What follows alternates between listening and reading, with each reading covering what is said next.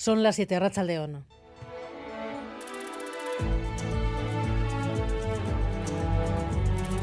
Gambara con Arancha García. Tarde complicadísima en carreteras. Ha habido choques múltiples en el Chorierri, en Malmasín en la A8, en la N1 en la Sarte a esta hora. La AP68 está cortada en Orozco y además un accidente mortal en el túnel de Azcárate. Un muerto y dos heridos, Nicolás del Val. Sí, hay que lamentar la muerte de la conductora de uno de los dos vehículos que han colisionado en el interior del túnel de Azcárate en sentido El Goibar. Las otras dos personas heridas han sido trasladadas a centros hospitalarios. La carretera continúa cortada, pero el tráfico se desvía desde la rotonda sentido El Goibar. La Archancha también nos informa de ese otro reciente accidente que se ha registrado en la P68 a la altura de Orozco, dirección Bilbao. En el accidente se han visto implicados tres vehículos y los dos carriles están cortados. AP68 Orozco, sentido Bilbao.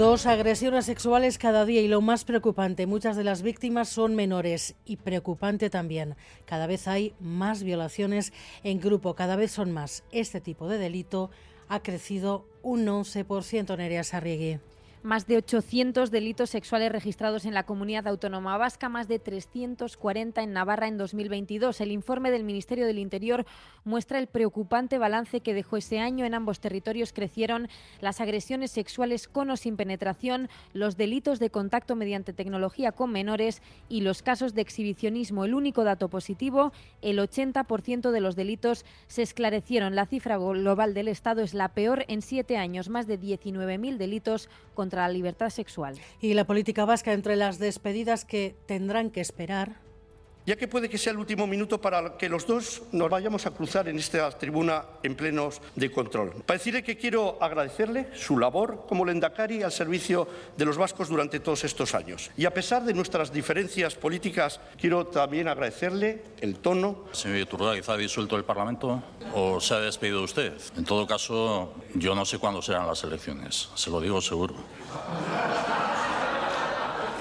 Le agradezco la referencia personal y es mutua. Íñigo Urcullo desinfla expectativas anunciando que le quedan todavía 100 medidas del programa por cumplir antes de las elecciones. La despedida forzada está sí, la de la alcaldesa de Pamplona ante la evidencia de la moción de censura. Estaba escrita hace seis meses en un pacto oculto entre Bildu y el Partido Socialista que el Partido Socialista pidió a Bildu, y esto está eh, publicado y reconocido, esperar a que Sánchez fuera presidente. Eso es lo que critico y me parece cínico y miserable. Joseba Sirón ha comenzado ya a negociar, entre tanto, con Geroa Bay y contigo, Surekin, el nuevo gobierno de Pamplona. El PSN no va a entrar, es lo que ha pactado con EH Bildu el acuerdo y ha fijado una especie de programa y ahora lo que queda es definir la entrada y el peso de los otros dos socios, David Beramendi. Sí, primera ronda de reuniones para la formación de un nuevo gobierno municipal en Pamplona. Primera reunión a las 4 de la tarde entre EH Bildu y Geroa Bay. Después a las 5 entre EH Bildu y Contigo Zurekin. En este primer contacto, Joseba Asirón les ha hecho llegar su propuesta, 50 medidas en total, y entre ellas la, la conformación de un gobierno de coalición, es decir, el reparto de concejalías. En un comunicado, Asirón se ha mostrado optimista. Los puntos de partida, ha dicho, son muy cercanos cercanos. Geroa y Contigo Zurekin responderán la próxima semana. Geroa Bay habla ya de satisfacción.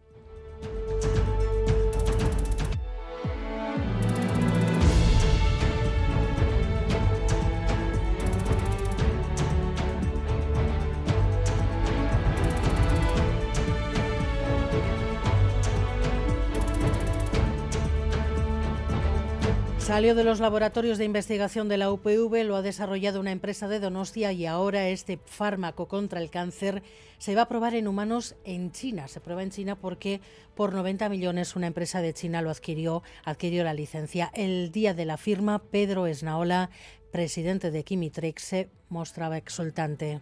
Creo que es una gran noticia eh, para todos, creo que es una noticia muy buena para Guipúzcoa y para Euskadi, nos anima muchísimo a, a, seguir invirtiendo. Tenemos otras moléculas, tenemos otros proyectos. Hoy estamos ante un ejemplo claro de que la política que se está llevando en Euskadi y en Guipúzcoa de apoyo al sector biosanitario funciona. Edu García, Rachaldeón. ¿Qué tal, Rachaldeón? Entre tanto, el tema de las entradas para el partido del domingo de la Real, el día del homenaje a Hitor Zabaleta, parece que va a acabar ante la justicia deportiva por unas palabras de ayer de Joaquín Aperribay ante la Asamblea de Socios. Es lo que pide el Betis, al menos, que ha manifestado a través de un comunicado esta misma tarde eh, su rechazo a lo comentado ayer por Joaquín Aperribay, palabras duras, no contra la afición del Betis, sino contra esos seguidores del Betis que el año pasado vendieron sus entradas a miembros del Frente Atlético, lo que permitió la presencia de los radicales del Atlético de Madrid en Anoeta en el duelo entre el conjunto Churiurdini y el equipo verde y blanco. A eso se refería yo que en Perribay, anoche tras la Junta de, Accionistas. Esas eh, manifestaciones de Perribay, el Betis ha anunciado que les va a trasladar a la Comisión Antiviolencia para ver si son constitutivas un delito de odio y también ha garantizado al Club Verde y Blanco que no habrá presencia institucional, no estarás presidente ni el Consejo de Administración del, conjunto sevillano representado este próximo domingo en el partido en el estadio de, de Anoeta. Pues ese es el conflicto entre los dos clubes, las explicaciones de lo que ayer quiso decir y del alcance de lo que ayer quiso decir entre sus socios mm, esta tarde del presidente de la Real. Esto no tiene nada que ver contra el Betis, ni contra la afición del Betis. La afición del Betis siempre se ha comportado fenomenal con la Real Sociedad, pero los hechos que ocurrieron el año pasado, que vinieron algunos ultras con eh, gente del Frente Atlético, creo que es el peor escenario que podemos tener justo en el homenaje de Aitor Zabaleta. ¿Que podemos hacerlo de las entradas nominativas? Puede ser, pero los experimentos con gasosa.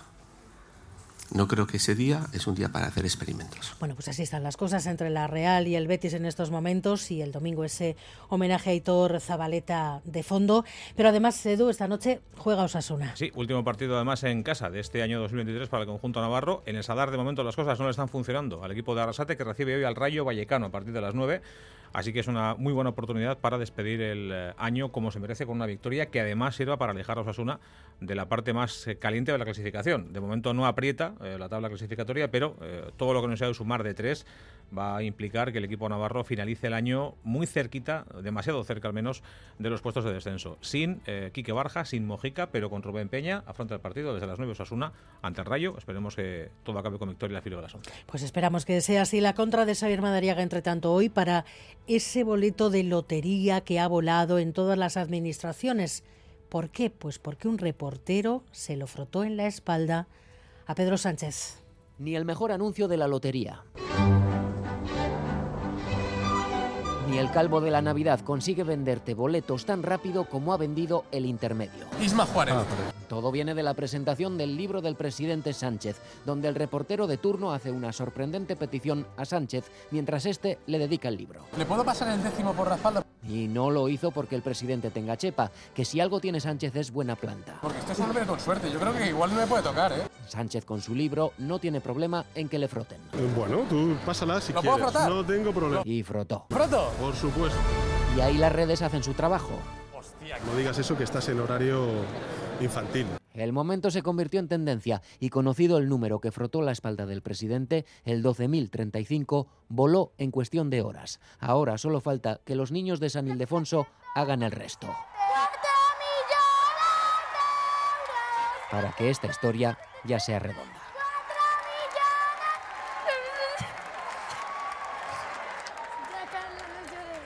Bueno, pues dentro de una semana sabremos cuál es el gordo de Navidad. Miguel Ortiz y Alberto Zubel ya están en la dirección técnica, Cristina Vázquez en la producción.